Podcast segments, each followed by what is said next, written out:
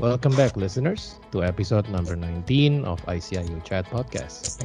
Bagi Anda yang baru bergabung, ICIO Chat adalah podcast di mana kita berbincang-bincang dengan para CIO maupun IT leaders di Indonesia untuk mendengarkan kisah pengalaman bekerja mereka, guiding principles yang mereka pegang, ataupun proyek dan inisiatif yang sedang mereka jalankan. ICIO Chat adalah sebuah podcast persembahan dari ICIO Community yang merupakan sebuah komunitas CIO dan IT leaders di Indonesia yang bertujuan untuk berbagi pengalaman, pengetahuan, dan juga informasi terbaru di bidang teknologi, strategi, maupun bisnis di Indonesia.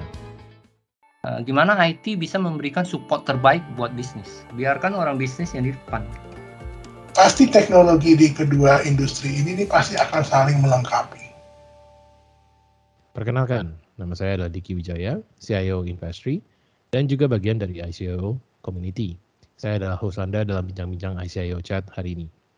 Di episode ke-19, kita akan bincang-bincang dengan Bapak Benedict Sulaiman, yaitu Vice President Information Technology, Director at Ramsey, Ramsey Sime Darby Healthcare. Uh, welcome, thank you nih Pak, for taking the time to come and have a chat with us today. Ya, yeah, thank you Pak Diki untuk invitation-nya. Glad to be here. Semuanya uh, safe Pak, staying safe, staying healthy I hope. Iya, pasti Pak. Uh, di rumah sakit memang challenge-nya harus bagaimana kita selalu harus bisa lebih sehat dari yang lain. Karena Benar. kalau kita nantinya uh, sakit juga, ya siapa nanti yang akan membantu dan merawat yang sakit?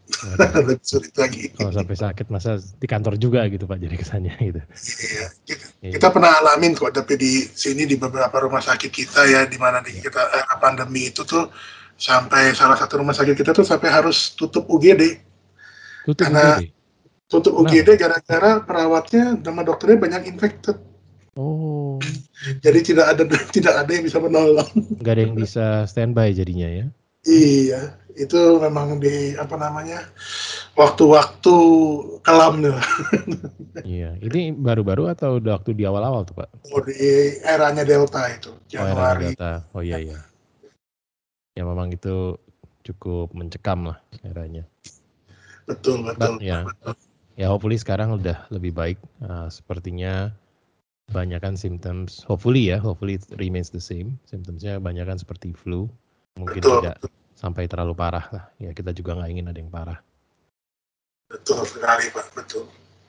Nah Pak Ben, saya mungkin mau nanya gini, kan dulu waktu saya pertama kali kenal Pak Ben itu memang Kayaknya di perbankan ya Pak ya, saya ingatnya.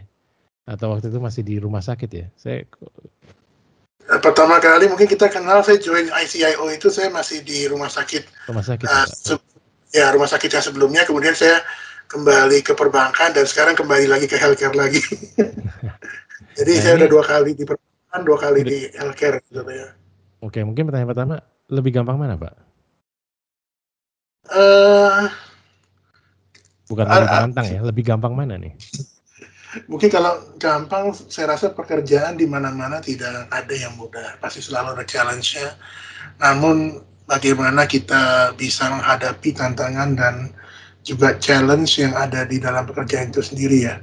ya. Kalau dulu saya di perbankan, saya melihat kalaupun ada resiko, aspek resiko paling besar itu paling ya uang hilang yeah. loh ataupun ya ada su atau reputasi atau aspek risk ya yeah. legal gitu ya yang itu bisa terjadi. Tapi beda kalau kita kerja di rumah sakit. Kalau di rumah sakit itu aspek terberatnya itu ya pasien bisa meninggal. Pasien itu bisa dirugikan gitu. Kalau kita berada di dalam posisi misalnya kelalaian ataupun memang aspek moralnya itu ada lebih tinggi juga ya. Makanya itu yang mungkin uh, empati kita sebagai seorang pekerja itu dites kalau kita mungkin merasa kita bekerja di rumah sakit. Itu sih menurut saya. Jadi mungkin nggak lebih mudah ya, tapi uh, lebih justru ter-challenge dan bagaimana kita lebih harus bersikap lebih humanis gitu mungkin bagi bagi dia. Ya sebenarnya empatinya tetap harus jalan ya Pak. Kalau di perbankan mungkin ya jangan sampai kehilangan uang dari customernya itu sendiri kan. Betul, betul. Itu, untuk itu sih tetap pasti. Cuma maksudnya aspek terbesar yang bisa terjadi. Betul. Iya. Nah, jadi apakah itu yang memang membuat Bapak jadi kembali lagi nih ke dunia kesehatan? Ya, mungkin salah satunya adalah uh, memang saya ditawarkan ada opportunity waktu lalu ya, sekitar tahun 2020 akhir itu sudah ada pembicaraan dan uh, cukup surprising karena bagi saya itu di era kan sudah kita lagi dalam era pandemi ya. Biasanya tuh orang kalau di tengah-tengah pandemi itu pasti cenderung maunya lebih stabil dan juga uh, apa namanya tidak mau ada risiko lain gitu ya. Hmm. Tetapi perusahaan saya ini waktu itu dia mencari karena satu dia melihat bahwa terobosan-terobosan dalam dunia kesehatan itu saatnya sekarang.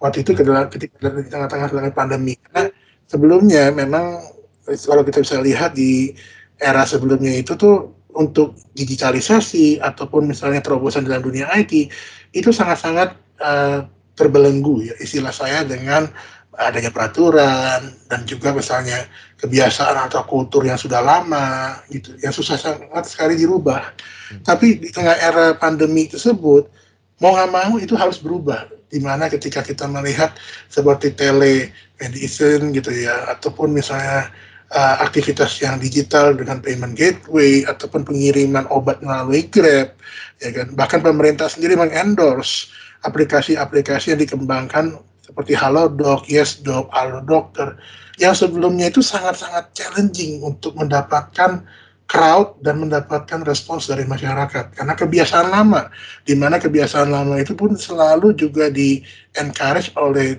tenaga medis untuk mereka tuh harus bisa melihat harus bisa men, apa touch gitu ya dan juga merasakan. Sedangkan ketika begitu tele itu dilakukan sebenarnya tidak terlalu berdampak serius. Okay. gitu loh ya. Dan itu yang justru membuka peluang. Dan ketika pandemi tersebut terjadi orang eh, orang-orang yang kena itu banyak yang meninggal mohon maaf kata dalam hal ini mereka meninggal kenapa karena mereka satu tidak mendapatkan kesempatan untuk dirawat itu memang paling utama tapi yang faktor kedua yang terpenting yang kita sering lupakan mereka tidak tahu bahwa ada metode lain untuk mereka tetap bisa mendapatkan advice ataupun konsultasi dengan orang medis. Yeah. Ya, kebanyakan orang-orang yang meninggal itu adalah orang yang terlambat ke rumah sakit yang sebelumnya mereka merasa ah, saya isoman aja di rumah. Yeah. Saya tanpa mengetahui bahwa saya ini beresiko atau tidak gitu loh ya. Saya kehilangan dua teman saya waktu pandemi itu. Yang satu itu dia sudah memutuskan saya nggak mau ke rumah sakit dah karena takut yang satu lagi mau ke rumah sakit tapi tidak tahu ya dan ketika kita sudah aturin dia untuk uh, tele gitu ya sudah di, dibantu untuk tele telehealth gitu ya tapi memang harus dirawat nih tidak ada kamar wah itu saya waktu itu masih belum join ke rumah sakit masih ya sisi-sisi berapa bulan lah ya tapi sangat-sangat sedih kalau kita sendiri tuh nggak bisa bantu dan akhirnya kita tahu orang itu akhirnya meninggal gitu Nah, kalau ini sebenarnya kesannya seperti ini, Pak. Kalau dulu Bapak di perbankan, di perbankan kita tahu ada yang namanya financial inclusion. Mm. Ini kesannya kalau di health uh, industry jadi kesannya ada health inclusion juga sebenarnya, Pak ya. Um, atau juga ada financial literacy, artinya juga ada health literacy tadi Bapak mention. Mungkin orang memang belum belum tahu bahwa ada opsi lain, ada cara lain untuk bisa mendapatkan layanan kesehatan uh, berbeda dengan uh, layanan yang sebelumnya ya. Jadi sebenarnya challenge saya agak mirip ya Pak. Kalau di perbankan mungkin ya bagaimana kita mengajak lebih banyak orang untuk bisa masuk ke dalam sistem apa sistem keuangan. Sementara kalau di kesehatan ini bagaimana orang-orang lebih memahami apa sih opsi yang ada untuk mereka ya di luar di di luar sana gitu. Tidak hanya harus ke dokter atau ke klinik tapi ada ada cara lain juga melalui remote melalui tele telehealth ya gitu. Betul, betul. Nah, kalau ya jadi kalau dulu kan kita tahu Pak, kalau misalnya di apalagi ini kan industrinya ya kalau kita lihat kalau industri keuangan kalau ada yang salah kehilangan uang. Industri kesehatan kalau ada yang salah uh, resikonya jauh lebih tinggi nih kalau kita bilang. Nah, uh, regulasi memang akan selalu sedikit tertinggal dari inovasi. Kalau regulasi di depan inovasi itu namanya ino, inovatornya nggak gerak tuh Pak. Kan inovasi harusnya lebih gerak cepat.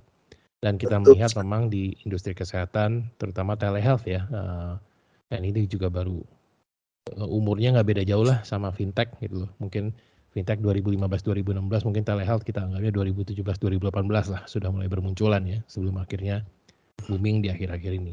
Nah, Bapak ngelihatnya uh, tadi Bapak juga mention the the time for innovation in health industry is now. Ya, at least itu dari perusahaan yang apa yang Bapak berada sekarang.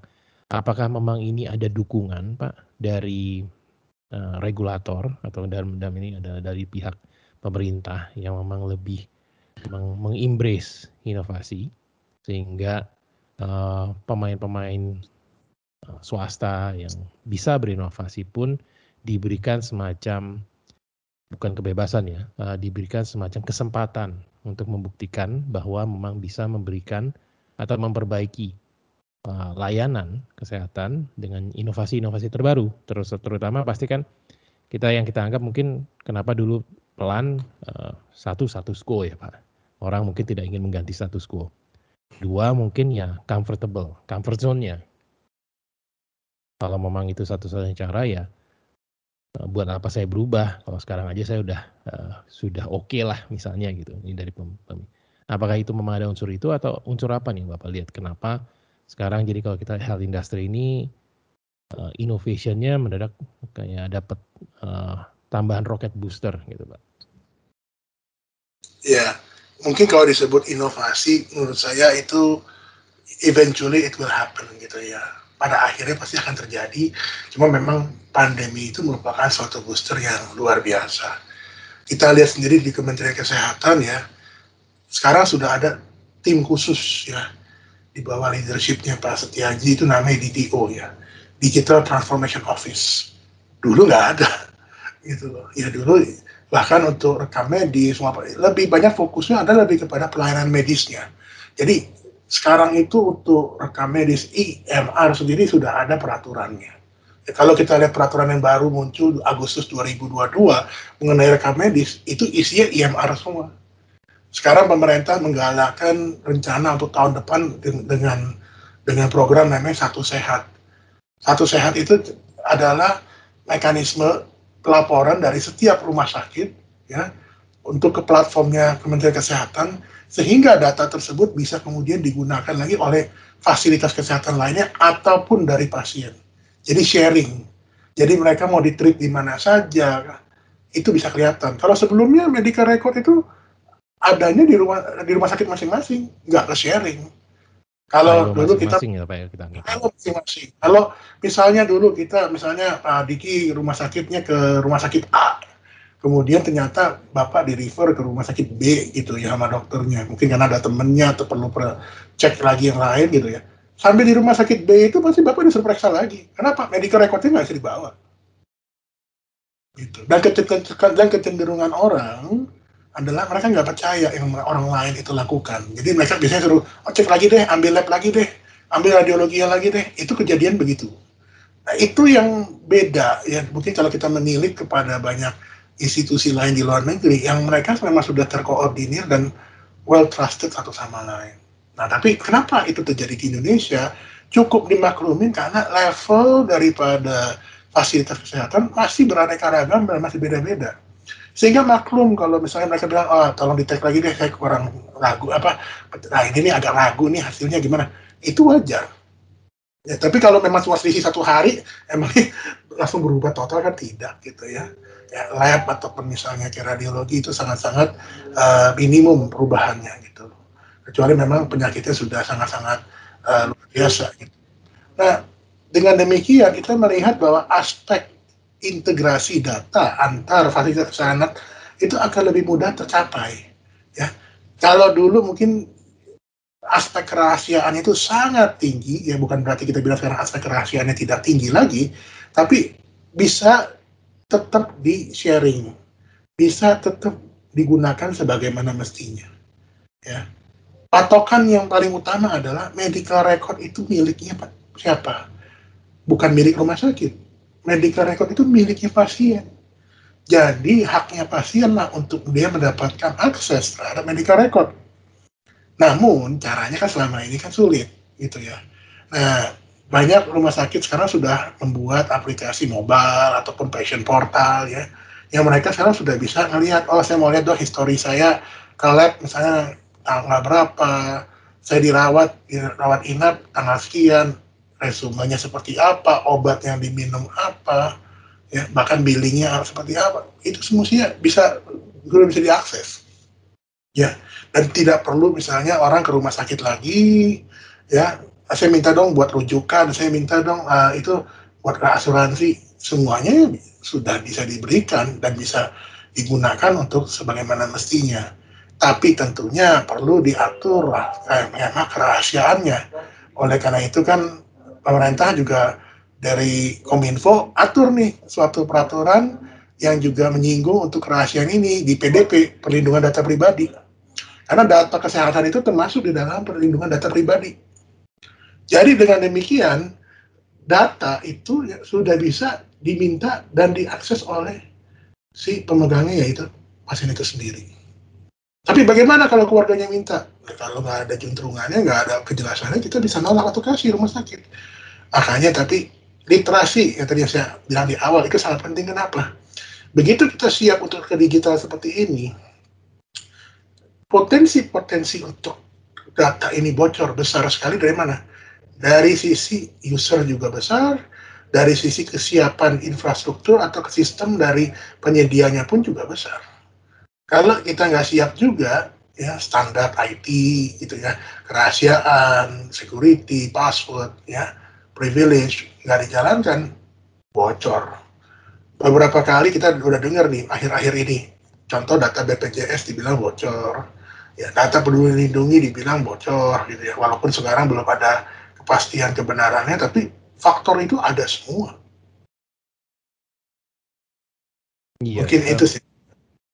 Oh, thank you Pak. Jadi memang ya dengan UU PDP yang baru keluar kan memang ada perubahan paradigma ya, di mana kalau dahulu itu data behavior atau data transaksi itu dianggap milik dari platform, sebenarnya ini kan menjadi milik dari si usernya sebenarnya. Sehingga itu tergantung uh, keinginan user dan apakah dia sudah memberikan konsen untuk misalnya kita sharing data juga ya ke hal lain ke tempat lain gitu ini kalau kalau saya lihat sebenarnya jadi kayak mirip.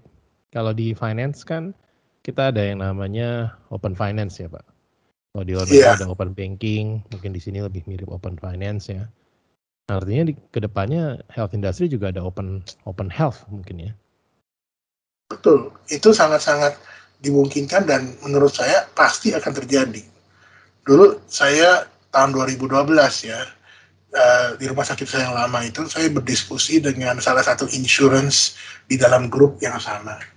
Saya tanya, uh, pasien kita kalau mau kita bikin uh, shell, waktu itu belum ngomong API lah ya, untuk kita bisa kirim data dan checking online gitu, gimana? oh nggak bisa pak saya punya data ini kan kita dilindunginya oleh Kementerian Keuangan insurance kan sementara saya, saya kita punya rumah sakit kan ya ada Kementerian Kesehatan. Jadi belum ada nih sinergi untuk bagaimana even our, our government sendiri juga pada sinergi gitu loh ya. Karena secara peraturannya pun tidak tidak terintegrasi tidak mendukung. Justru malah berkontradiksi gitu loh. Jadi ketika kita saya mau bikin itu, oh ya cara gimana? Oh kita harus tetap manual, saya harus terima dulu billingnya, hard copy, tanda tangan basah, itu ada aturannya harus tanda tangan basah dulu ya tahun 2012. Kita nggak bisa, berarti kita cuma kirim data dong. Habis saya nego begini, kalau saya misalnya kirim hanya datanya doang, tapi uh, physical dokumennya saya susurin belakangan gimana? Tujuannya adalah apa? Untuk bagaimana mempercepat proses claim, bagaimana mempercepat proses approval karena dulu itu isunya adalah pasien yang insurance ya ketika dia mau di discharge itu tuh itu makan waktu lama untuk approval untuk insurance-nya. Jadi apa yang di cover dan apa yang tidak.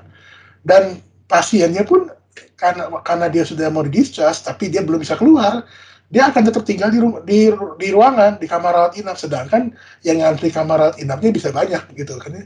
Kalau rumah sakit yang penuh ya berarti kan kita harus cepat untuk kita persiapkan kembali untuk menerima pasien berikutnya. Nah itu tuh mengakibatkan pasien banyak harus menunggu. Nah kita kan memikirkan bagaimana mempercepat. Nah sekarang beberapa asuransi itu sudah mulai terbuka, ya. Medika contohnya, bahkan Mandiri InHealth itu udah mulai bikin bridging-bridging. Ya. Ultimate-nya untuk apa? Satu untuk referral, kedua adalah untuk klaim. Walaupun kalau kita bilang ya klaimnya yang penting checkingnya deh ya. Tapi kalau masalah pembayaran yang masih telat-telat, udahlah nggak apa-apa. Tapi bagaimana at the end of the patient experience-nya bisa diimprove. Bagaimana pasien nggak perlu ngantri sampai atau nunggu dua jam gitu loh ya untuk untuk menunggu dia bisa boleh pulang gitu loh ya. Kalau, kalau orang pribadi kan bayar sendiri cepat gitu, tapi kalau insurance kan nunggu konfirmasi. Nah itu takes time usually pak. Iya, jadi juga. konsep open itu jadi bisa membuka peluang gitu iya. untuk kerjasama lebih improve ya. Iya. Dan orang kan terkadang nggak juga nggak pengen lama-lama ya pak di masa ya. ya. Dan juga ya kalau kita lihat dengan banyaknya aplikasi sekarang yang bisa digunakan semuanya kan serba instan ya. Apa mau belanja uh, grocery aja sistem ada yang cuma dijanjikan 15 menit atau maksimal 2 jam gitu kan. Masa sih untuk um, checking apakah saya memang member dari sebuah asuransi butuh lebih dari dua jam. Iya, makanya untuk untuk checking sih sebelumnya sih pasti dilakukan sebelum dia masuk ke rumah sakit ya atau ketika pendaftaran. Tapi yang it, it, itu kan hanya mengecek plafon. Bias, biasanya kalau udah dia mau keluar itu di, akan di, perlu dicek oleh asuransi itu detailnya. Tindakan ini tindakan itu uh, vitamin di cover atau tidak gitu ya. Itu tuh pas lagi terakhir sih. Nah itu yang masih sampai saat ini tuh challenge dan banyak asuransi itu belum menggunakan sistem ini loh apa namanya seperti AI ataupun uh, automatic ya automation itu belum. Jadi kebanyakan yang menilai itu tuh masih case manager atau case mix manager, benar-benar orang. Dan rata-rata yang memang case manager itu tuh dokter. Jadi dia akan melihat oh ini tindakan ini perlu tindakan ini enggak gitu ya. Seperti itu. Dan itu berlaku tidak hanya ke insurance doang. Even BPJS pun ya seperti itu. Karena BPJS kan insurance pemerintah. Jadi makanya kenapa pemerintah bisa menetapkan harga sekian harga sekian. Itu dari mana? Ya dari analisa mereka Iya artinya memang masih tetap ada ruangnya untuk inovasi untuk mempercepat lah saya pernah waktu itu Pak diskusi uh, dengan beberapa insurance saya tanya, kita kan data, ya biasa kalau untuk kita bikin AI modeling ya, itu atau machine learning kan kita perlu data mungkin sampai 100 ribu data lah ya. Basically itu insurance tuh punya semua. Cuma masalahnya uh, apakah kita ada waktu dan juga mau mengembangkan ke arah sana. Ya.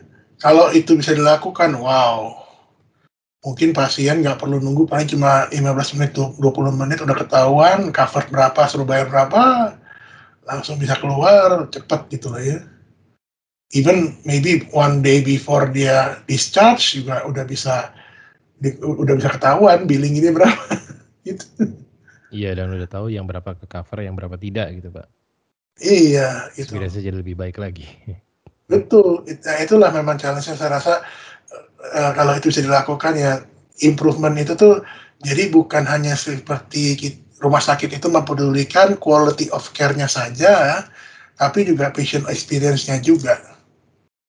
Gitu. Nah, mungkin kalau gitu saya nanya gini Pak, kan Bapak udah pernah diperbankan dua kali dan sekarang di kesehatan dua kali. Uh, per, bukan perbankan lah, dunia keuangan lah, jasa keuangan. Menurut saya dunia jasa keuangan kita sih cukup cukup advance ya, cukup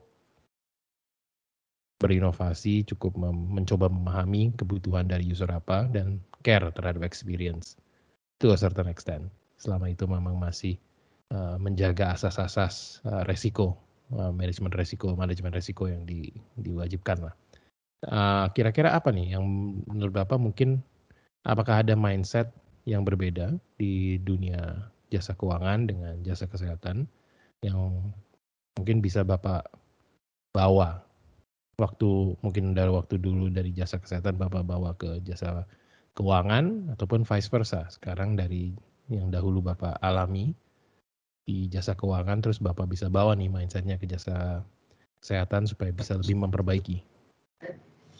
Ya, dua-duanya menurut saya saling melengkapi ya. Ada mungkin uh, beberapa uh, aspek yang di dunia kesehatan itu memang saya bawa juga ke perbankan ketika tahun 2017 saya ke perbankan gitu ya dan ketika saya join ke sini juga dalam rangka transformasi digital di perusahaan ini juga pun saya bawa juga aspek-aspek yang dari perbankan gitu ya. Seperti contohnya otomasi pembayaran kemudian simplifikasi pendaftaran itu kita lakukan semua sudah semenjak tahun lalu ketika saya join kemari. Dan itu juga saya lakukan bersama dengan tim IT di bank saya yang sebelumnya ya. Bagaimana uh, customer itu tuh nggak perlu lagi pakai form-form uh, fisik gitu ya, pakai tablet aja cukup gitu loh ya, dan digital signature juga cukup. Nah di sini juga ya arahnya ke sana, walaupun masih ada beberapa dokumen ya yang sifatnya kayak tindakan konsen gitu ya, yang masih peraturannya mengharapkan tanda tangan basah gitu loh.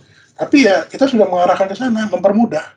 Sebelumnya banyak uh, aktivitas yang admin kita lah ya misalnya atau customer service itu perlu input secara manual karena tadinya orangnya meng, apa mengisi di form sekarang kita bikin di e-form kita minta pasiennya isi sendiri dengan demikian tugas dari si CS ataupun admin itu berubah. Bukan tadinya dia inputting dia hanya tinggal mengkonfirmasi atau verifikasi kepada si pasien ataupun misalnya uh, eh, PIC-nya pasien ya.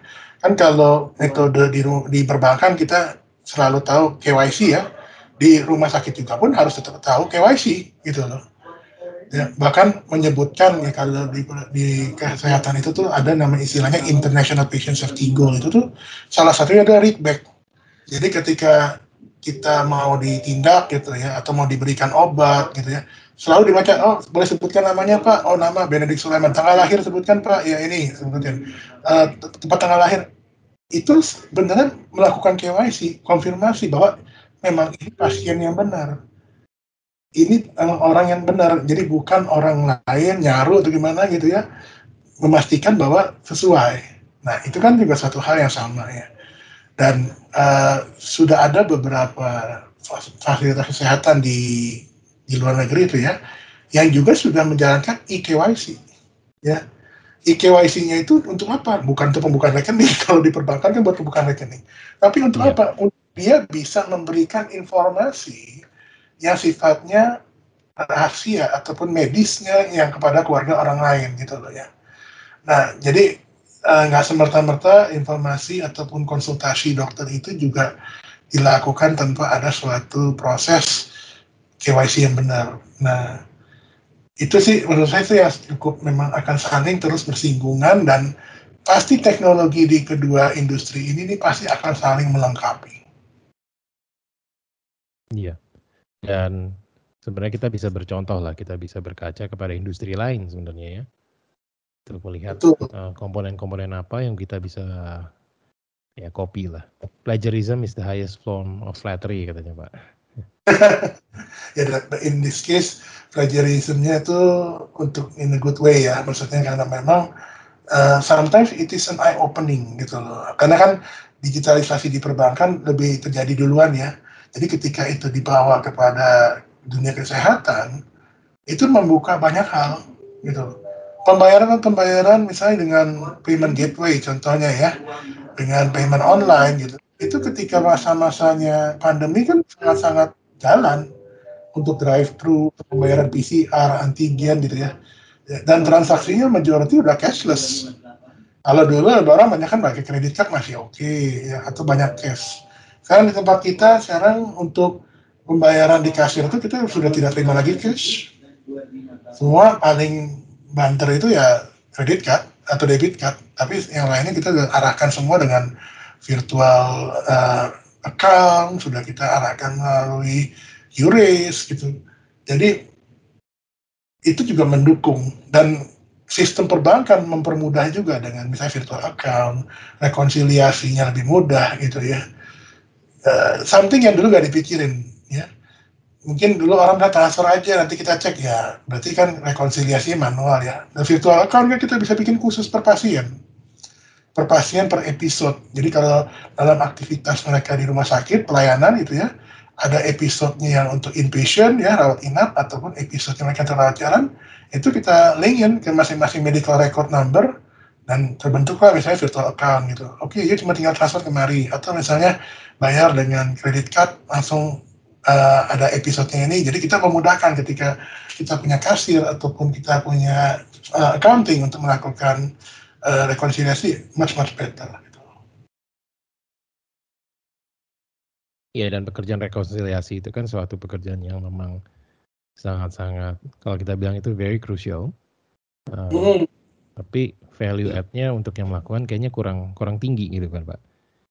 Pretty much nah, siapa pun yang orangnya memang detail mungkin can do it, uh, but yeah, it's a very crucial component of uh, operation. Gitu.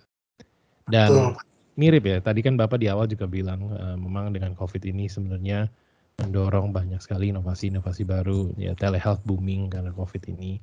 Sama dengan kalau di dunia uh, jasa keuangan kan, uh, apa e-payment, wallet semuanya kan booming terutama semenjak COVID. Memang sebelumnya sudah banyak penggunanya, tetapi dengan semakin dikitnya orang yang ingin pakai cash ya otomatis semuanya ya menggunakan wallet-wallet lah. Mau yang warna hijau, mau yang warna ungu gitu kan, mau warna merah, terserah deh mau warna apa. Tapi itu jadi booming ya. Oh saya sampai warna biru juga ada. Saya, jangan sampai lupa saya. Harus semuanya saya sebutin. ya. Nah mungkin uh, pertanyaan saya ini kalau tadi kan di awal Bapak juga bilang ya, um, ada beberapa yang uh, bukannya against, tapi tidak mau berubah. Uh, tadi saya mungkin ya karena comfort zone.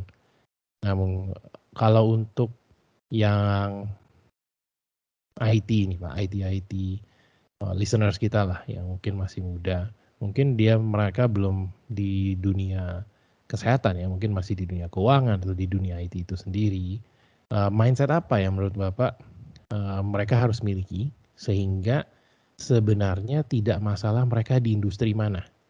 Selama mereka memiliki mindset ini, mereka bisa survive di industri apa pun.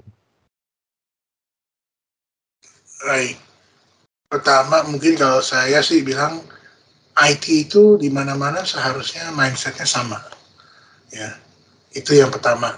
Ya baik itu information teknologinya mau information sistemnya semua konsepnya sama. Tapi uh, secara penerapannya ya menyesuaikan dengan bisnis masing-masing. Kunci untuk bisa menerapkannya itu dengan sesuai adalah never stop learning. Ya. Ketika saya pindah kemari uh, sudah lima tahun saya tidak di healthcare wah sudah lima tahun itu tuh sangat-sangat berubah cukup banyak. Ya. Baik itu peraturan maupun aktivitas yang dulunya seperti apa, sekarang di tempat yang baru seperti apa. Otomatis harus harus kembali untuk menyesuaikan diri. Ya. Bukan berarti di posisi saya saya tidak lagi uh, belajar, ya. tapi tetap harus kita menyesuaikan dan juga membuka diri kita terhadap masukan Ya, bahkan kadang kalau di rumah sakit itu kita memiliki misalnya perawat ataupun dokter yang cukup senior. Mereka itulah sumber juga pengetahuan bagi kita. Jadi kita bertanya, oke, okay, Anda sebagai stakeholder, sebagai perawat, ingin improvement apa secara sistem untuk lebih efisien, lebih mempercepat proses. Mereka yang lebih tahu, bukan kita. Mungkin secara prosesnya kita coba mendrive tapi mereka akan lebih tahu aspeknya kenapa harus begini, kenapa harus begitu. Ya. Dan otomatis ya bukan berarti IT sebagai godnya ya, dewanya yang paling tahu segala sesuatu, tidak juga. Nah, kalau di dunia perbankan pun sama. Ketika saya terakhir di perbankan itu 2005. Begitu masuk 2017, lebih-lebih lagi berubahnya. Makanya tetap di bisnis apa pun harus kita bisa mengembrace ya. Menerima perubahan dan bagaimana menghadapinya ya. uh, memang mungkin kalau orang sudah terbiasa oh saya IT mungkin dari pekerja awal saya di perbankan maunya di perbankan terus. Ya mungkin ada yang seperti itu tapi kita juga bisa melihat banyak sekali yang kadang opportunity tidak tersedia dan orang harus melihat opportunity lainnya ya menurut saya mindset untuk never stop learning itu yang kunci ya dan kita harus bisa membuka bahkan kita bisa belajar apa yang kita miliki dari pengetahuan umum pun itu bisa kita terapkan di industri mana pun itu yang kita harus berpikir seperti itu menurut saya Pak Diki. Oke. Nah, tadi menarik Bapak bilang kita harus terbuka untuk mendengarkan masukan. Nah, kalau misalnya kitanya sebagai implementernya sudah terbuka, Pak, kan saya anggapnya ini kita menggabungkan ya pengetahuan dari uh, mencari solusi dari sisi IT, namun kita juga harus mempelajari dari segi user dan juga stakeholder, di mana mereka memahami kenapanya. Kalau misalnya user atau stakeholdernya yang kurang terbuka, Pak, itu ada tips and tricks mungkin. Bagaimana kita bisa membujuk agar mungkin saran ataupun inovasi terbaru yang kita ingin bisa apa, kembangkan itu bisa di di embrace oleh stakeholder lainnya. Ya, mungkin saya coba kasih contoh ya. Ya, hopefully nggak banyak dokter-dokter yang dengarkan podcast ini. uh, ini contoh, jadi kita memiliki mungkin contoh beberapa dokter senior. Dan ini juga terjadi di rumah sakit saya lama juga. Dokter senior ini, mereka punya inilah ya, kalau saya bilang punya masa. Mereka punya suatu power lah ya, unseen power untuk mereka bisa meminta sesuatu ataupun misalnya untuk kita menyesuaikan dengan mereka. Tapi yang lebih terbuka untuk industri atau teknologi itu tuh lebih banyak dokter yang lebih muda ya. Mungkin kalau sekarang kita lihat dokter-dokter yang lebih terbuka itu umurnya mungkin yang antara kisaran 30 sampai ya sampai mid 40s lah ya. Itu yang sangat-sangat uh, lebih mudah untuk kita drive dan mereka pun tahu bagaimana mereka untuk mengoperasikan komputer, mereka tahu bagaimana mengoperasikan sistem gitu ya. Sedangkan bagi dokter-dokter yang above 50, mereka memang nggak terbiasa dengan mungkin sistem, terbiasa dengan tulisan, terbiasa dengan something yang manual, dan itu a challenge. Nah, dukungan dari manajemen itu adalah salah satu yang penting pertama. Jadi ketika saya kemari, manajemen clear, hey, we wanna do this transformation dan padahal kalau dari sisi implementasi IMR di rumah sakit-rumah sakit kami di sini sudah dari 2015 dilakukan. Tapi tetap sampai sekarang tuh masih ada yang ah, dokternya ini tulisnya maunya manual, dia nggak mau ini. Dan kita tetap masih mengizinkan waktu lalu gitu ya. Tapi CEO-nya lebih bisa untuk menekan karena CEO-nya kan mereka dokter juga ya. Mereka yang melakukan pendekatan, kita minta tolong ke mereka dan eventually yang mereka itu yang menolak lama kelamaan makin berkurang ya kalau mungkin di tempat lain kita bisa bilang oh lama-lama ke sisi mereka nih at the end of the day demikian waktu ketika pandemi terjadi ya kan rumah sakit pun dikurangin ya untuk aktivitasnya karena resiko juga. Khususnya bagi dokter-dokter yang, yang tua yang di atas 60 tahun 70 tahun. Ya kan rata-rata juga memiliki penyakit komorbid juga kan. Berarti mereka kan beresiko ya. Dulu kan apalagi vaksin belum belum menyeluruh belum meluas gitu ya. Sehingga dokter-dokter ini semua mereka akhirnya nggak praktek. Dan ketika kita bilang dok bisa praktek dok. Pakai tele ya dokter di rumah aja. Tapi kita bukakan nih linknya kemudian dokter bisa kasih advice kepada si konsul kepada si pasiennya. Pertama-tama nggak mau. Bahkan ada dokter yang bilang oh saya nggak pernah mau mau tele. Lama kelamaan mereka bingung kenapa. Ya yang lain tadinya pasien mereka mereka akhirnya milih kepada yang tele. Dan kebanyakan yang tele menerima dengan cepat adalah kan dokter-dokter yang muda. Jadi dokter muda dapat spill off-nya daripada pasien-pasiennya lama kelamaan iya betul kan? Akhirnya dokter-dokter yang senior akhirnya ya udah deh saya mau deh mulai dari dikit dikit dikit lama-lama akhirnya kebiasaan lagi. Jadi akhirnya terbawa kepada ombaknya gelombangnya juga sih mau nggak mau ya. Dan itu memang perlu ada ya kalau tadi istilah Pak Diki ada boosternya gitu ya. Dan boosternya ya bisa aja dari keadaan di sekeliling kita yang mau nggak mau mendorong hal tersebut. So I guess in a way sebenarnya yang tadi saran Bapak ya, um, always be learning dan juga open for change, itu nggak cuma untuk orang IT-nya Pak, hmm, juga untuk semua stakeholder-nya ya. Buat semua stakeholders. Ketika saya mengajarkan kepada proses kepada tim, misalnya tim gizi ya, kita bikin aplikasi gizi untuk pasien itu tuh uh, nggak perlu order uh, nggak perlu disamperin. Kan tujuannya kita mengurangi human touch ya untuk apalagi khususnya untuk pasien covid berarti itu ya. Jadi kita bilang oke okay, biasanya sampai orang gizinya itu harus pakai APD dia datangin kamar besok makannya ini ya ini kalorinya sekian sekian harus habis ya itu kan harus ada apa mekanisme edukasi ya. Sekarang kita bikinnya ya pakai QR aja dia order di situ. Dan sesuai dengan dia punya diet gitu ya. Dia boleh misalnya nggak rendah kalori apa harus rendah garam atau gimana diabetes gitu ya. Ya makanannya kan beda-beda. Itu disesuaikan dengan dokter punya anjuran. Jadi hanya keluar menu-menu tertentu dia tinggal pilih apa. Kalau memang dia nggak pilih ya kita kasih menu yang default gitu ya.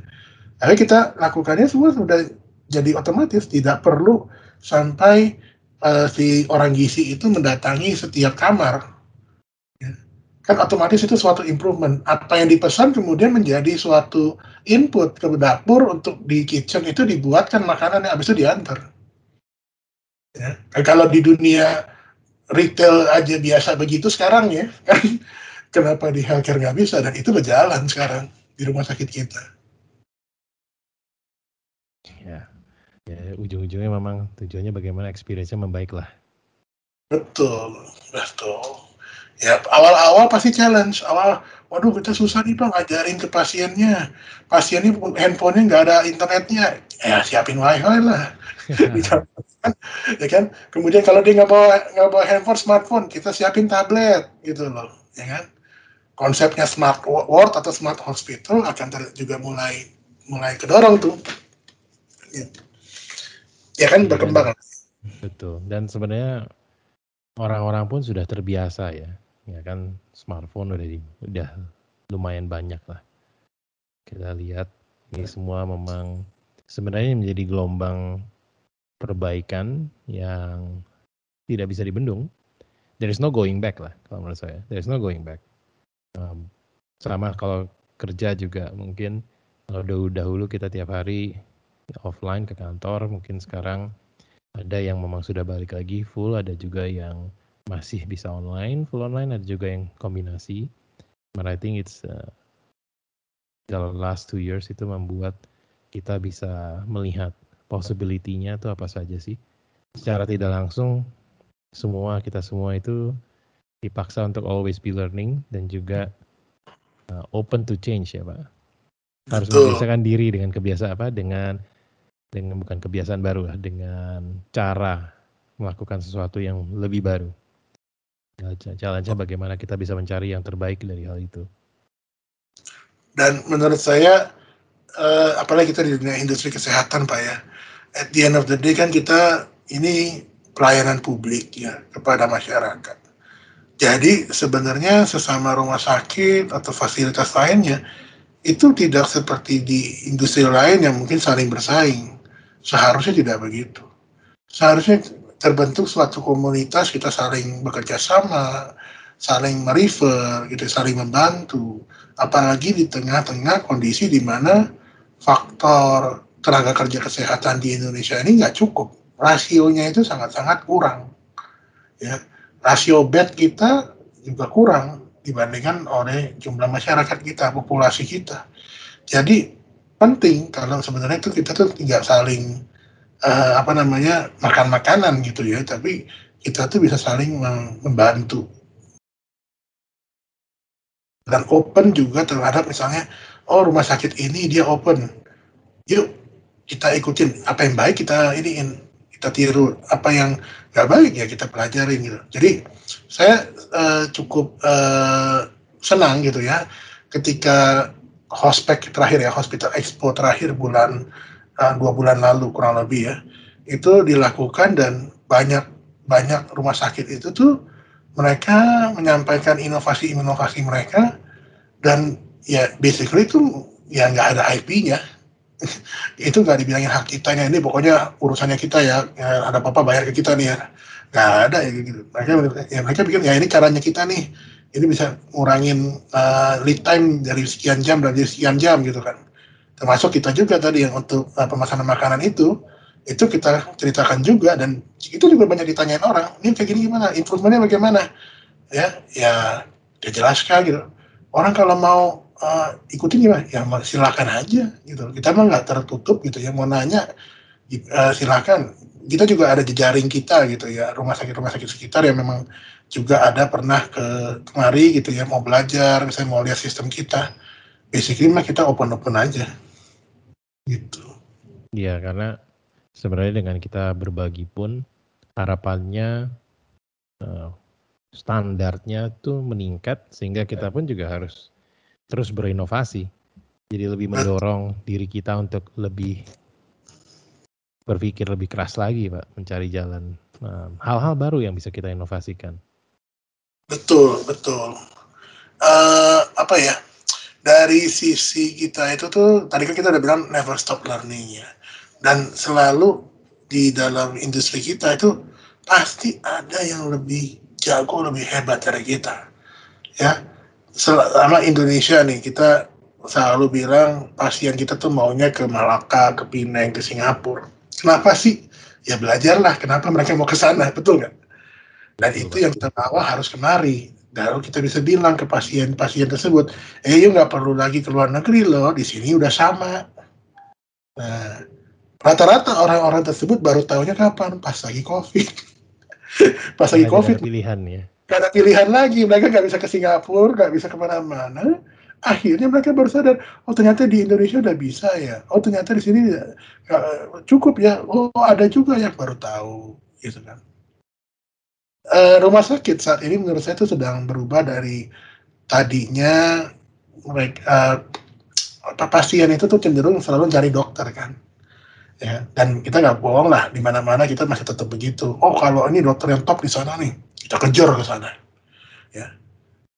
Nah tapi begitu pandemi itu rata-rata pemerintah kan mengarahkannya ke mana? Puskesmas RSUD setempat rumah sakit sekitar gitu ya dan nggak bisa kan memang traveling jauh-jauh akhirnya lama kelamaan ada perubahan segmentasi daripada pasien juga di mana pasien yang tadinya mau jauh 20 km pun 30 km pun dia jabanin sekarang menjadi pasien yang mulai berubah menjadi teritorial, regional ya.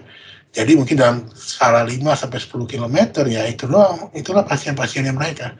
Kecuali memang ada spesialis tertentu ya yang memang kita masih kurang, spesialisasi spesialis tertentu yang dibutuhkan itu tetap memiliki pasiennya gitu. Jadi sampai ke mana pun tetap dikejar tuh. Tapi yang lain-lain yang umum-umum ya di mana aja mulai terjadi terbentuk ini. Iya, dan saya rasa sih bukan semua bukannya orang nggak mau sih Pak, cuman kebiasaan saja ya. Eventually, kalau udah terbiasa, pasti tidak ada masalah. Dan kalau itu memang memperbaiki proses, why not? Eh, experience-nya jadi lebih baik gitu kan. Betul Pak, betul. Oke, oke Pak, uh, mungkin saya ada satu pertanyaan terakhir nih. Uh, Pak Benedict kan udah udah udah lumayan makan asam garam dan juga sudah bolak-balik tadi Bapak bilang nih. If there is one thing yang mungkin pasti kan dari semua pengalaman ini banyak lah ini pelajari. And what is the one thing yang mungkin Bapak kalau boleh bilang ke your younger self ada satu pelajaran yang untuk membantu lah, membantu your younger self grow faster tanpa harus mengalami experience jatuh bangunnya. Memang kita sadar lah terkadang pengalaman jatuh bangun itu adalah itu itu justru kalau kita ngelihat ke belakang enjoynya di sana gitu pak ya. Tapi pas jalanin kan sengsara tuh. jalanin sih kita sengsara. Tapi kalau udah udah keluar dari masalahnya kita wah itu itu penting, itu seninya jatuh bangunnya. Nah mungkin ada nggak satu pelajaran atau wejangan yang Pak, if you can, you wanna give it to your younger self supaya bisa lebih mempercepat lah uh, jatuh bangunnya nggak usah semuanya dijalanin, 90% aja yang jalanin gitu. Gimana ya? Uh, karena memang menurut saya sih orang kadang-kadang tuh tetap perlu ngerasain dulu sih ya supaya dia bisa tahu apalagi uh, anak-anak muda sekarang itu cenderungnya maunya kan apa-apa instan ya. Jadi ketika saya meng-hire orang baru pun, anak-anak yang muda pun gitu ya, ekspektasi mereka tuh memang maunya instan dan cepat. Tapi saya juga mengalami bagaimana dari staff gitu ya belajar dan bahkan itu menurut saya itu itu adalah momen terpenting ya bagi saya sekarang. Jadi kalau saya nggak jalanin dulu sebagai staff ya bagaimana saya bisa tahu apa yang saya akan ekspektasi terhadap saya punya staff, manager, supervisor yang ada di bawah pimpinan saya saat ini gitu karena uh, nggak tahu ibaratnya bagaimana how the leadership stands gitu ya. Nah menurut saya mereka tetap harus mengalami itu dari bawah dan nggak bisa main langsung ekspektasi langsung tinggi gitu ya. Ya at the end of the day kalau mereka mau langsung ekspektasinya langsung instant ya unless they are the owner of the business ya saya rasa mereka akan banyak nanti terpental ke banyak ke banyak ini apa namanya industri atau ke banyak perusahaan ya. Dulu ada, ada salah satu anak saya yang di bangsa yang lama sebelumnya uh, dia pindah ke salah satu perusahaan yang kemarin uh, layoff cukup banyak gitu ya. Jadi ketika saya pindah itu uh, dia sempat udah resign sekitar tiga bulan sebelum saya uh, resign gitu ya. Nah ya saya tanya kenapa yang mau pindah? Gitu ya. Mau sana gajinya double pak. Oh ya udah. Kalau saya bilang kalau itu gajinya sudah lebih besar ya dan the company will not compete. Ya memang itu di luar daripada scope-nya gitu ya di luar daripada threshold-nya. And that sort of company that time memang berani untuk bayar untuk resources yang lebih uh, maksudnya lebih bagus ya lebih skillful. Jadi saya bilang go for it. Nah baru tahu saya sekitar tiga minggu lalu dia juga termasuk di dalam yang di Leo saya bilang waduh jadi saya sekarang ke mana? Ya lagi bingung nih pak. Kenapa? Belum di belum ada belum belum ada opportunity lain gitu loh ya. Tapi saya bilang kan you udah banyak belajar di company ini mestinya exposure-nya justru lebih tinggi dong. Ya pak bukan berarti exposure lebih tinggi tapi uh, bisnisnya uh, dan knowledge-nya juga lebih banyak belajar.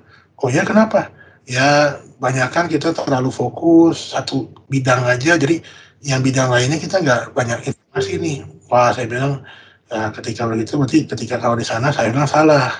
Seharusnya ya tetap bisa gali yang kiri kanannya sehingga bisa improving ourselves. Ya dan saya rasa ini banyak terjadi oleh tenaga-tenaga muda sekarang yang makin lama itu dia sudah tersegmentasi kerjaannya. A ya A tapi nggak pernah doing maksudnya eh what can I do more? Ya musinya kan kita kalau berpikir eh, tugas saya A ya you do A plus gitu ya. Or even try to learn A plus B gitu loh. Ya dan ketika saya dulu mungkin eranya tahun sebelum 2000 gitu ya hal-hal kayak gini nih masih banyak tapi sekarang mungkin karena satu opportunity atau juga mungkin mindset gitu ya dan mungkin juga ada mindset perhitungan gitu ya. Kan saya di hire gini doang ya udah saya kerjain ini doang saya nggak I'm not going to do more gitu ya. Ya itu juga ada gitu loh. Nah itu sih menurut saya yang orang-orang muda kita tuh tetap harus berpikir dan uh, bagaimana meningkatkan diri mereka gitu loh. Karena at the end of the day ya orang mungkin uh, omongan saya ini eh, nggak uh, valid tapi menurut saya posisi itu tetap menentukan prestasi. Ya. Jadi ketika kita bekerja, yuk jangan berpikir hanya untuk cari uang saja. Jangan cari gaji doang yang kerja. Tapi posisi. Karena bukan posisi menentukan derajat ya. Tapi posisi itu menentukan ilmu. Ya. Semakin kita bisa mencapai posisi yang lebih tinggi sampai director atau CEO gitu ya. Dan tanggung jawab dan apa yang harus dipegang pun responsibility ilmu yang harus dikuasai semakin lama makin tinggi. Dan itu nggak akan bisa dihadapin juga dengan instant atau misalnya oh because your father or your family has the business then we appoint you as the CEO ya itu mah mungkin cuma bayangan saja tapi at the end of the day experience-nya itu dan pelajarannya jadi memang kalau memang orang muda harus jatuh bangun, uh, tetap sih nothing is instant. And then at, at least they have to face that face gitu loh ya. Mungkin itu maksud saya Pak Yeki. Oke, mungkin jadi kalau saya jabarkan dikit, be patient, ya Nah. jangan jangan buru-buru. Kan kalau di IT kita juga tahu pak ya, terkadang ada proses. Em, apa joke-nya adalah em, untuk untuk sebuah bayi lahir itu kan butuh 9 bulan. Bukan berarti kita nyari 9 wanita masing-masing satu bulan tuh jadi bayi. There's a I don't know who said that to me karena itu dibilang bukan berarti kita nambah orang kalau di project IT itu langsung selesai ya enggak juga ada prosesnya juga. So Betul. everything there's a process. Jadi bersabarlah. Dan kedua mungkin yang menurut saya sangat penting ya, bagi yang sedang meniti karir uh, yang mungkin sedikit gampang tergoda, rumput tetangga lebih hijau dibandingkan rumput sendiri ya. Eh, loncat-loncat. Poinnya adalah bukan mengejar masalah nilai uangnya, tetapi adalah nilai apa yang bisa kita dapatkan dari pekerjaan baru itu untuk menambah value dari diri kita. Sehingga at the end of the day, value dari diri kita itu memang sudah tinggi. Karena kalau saya bilang, eh, mungkin kita sudah cukup berumur untuk mengalami banyaknya cycle naik turun ya Pak ya. Nah, cycle hype, cycle buzz, udah berapa kali kita alami. Ketika cycle hype, ya pasti orang yang biasa-biasa saja pun dihargai tinggi. Tetapi ketika eh, terjadi down cycle, maka itu ada kalau saya- kita bilang mungkin market price correction. Hanya orang yang memang value-nya tinggi itu yang dibayar tinggi. Sementara yang lain itu adalah your true value will kelihatan. Kalau memang Anda tidak membawa value untuk perusahaan berikutnya, ya pasti harga gajinya pun juga akan turun drastis. Mungkin kira-kira seperti itu ya Pak ya, kalau saya boleh. Iya, betul. Oke. Ya, memang setuju Pak seperti itu. Oke. Thank you Pak Benedict untuk waktunya. I know you're very busy. Uh, sekali lagi, um, hopefully we can meet nanti di offline, acara offline. But that's it, listener, for today. Berikutlah bincang-bincang saya dengan Pak Benedict. Jadi jangan lupa, uh, one, always be learning. Dua, always be open to change or to something new. Ketiga adalah be patient. Sometimes good things do take time. Dan yang keempat, sebenarnya ini gabungan dari semuanya. Never stop increasing the value of yourself, not just the value of your salary. Yes. Thank you, and until the next episode, have a good day.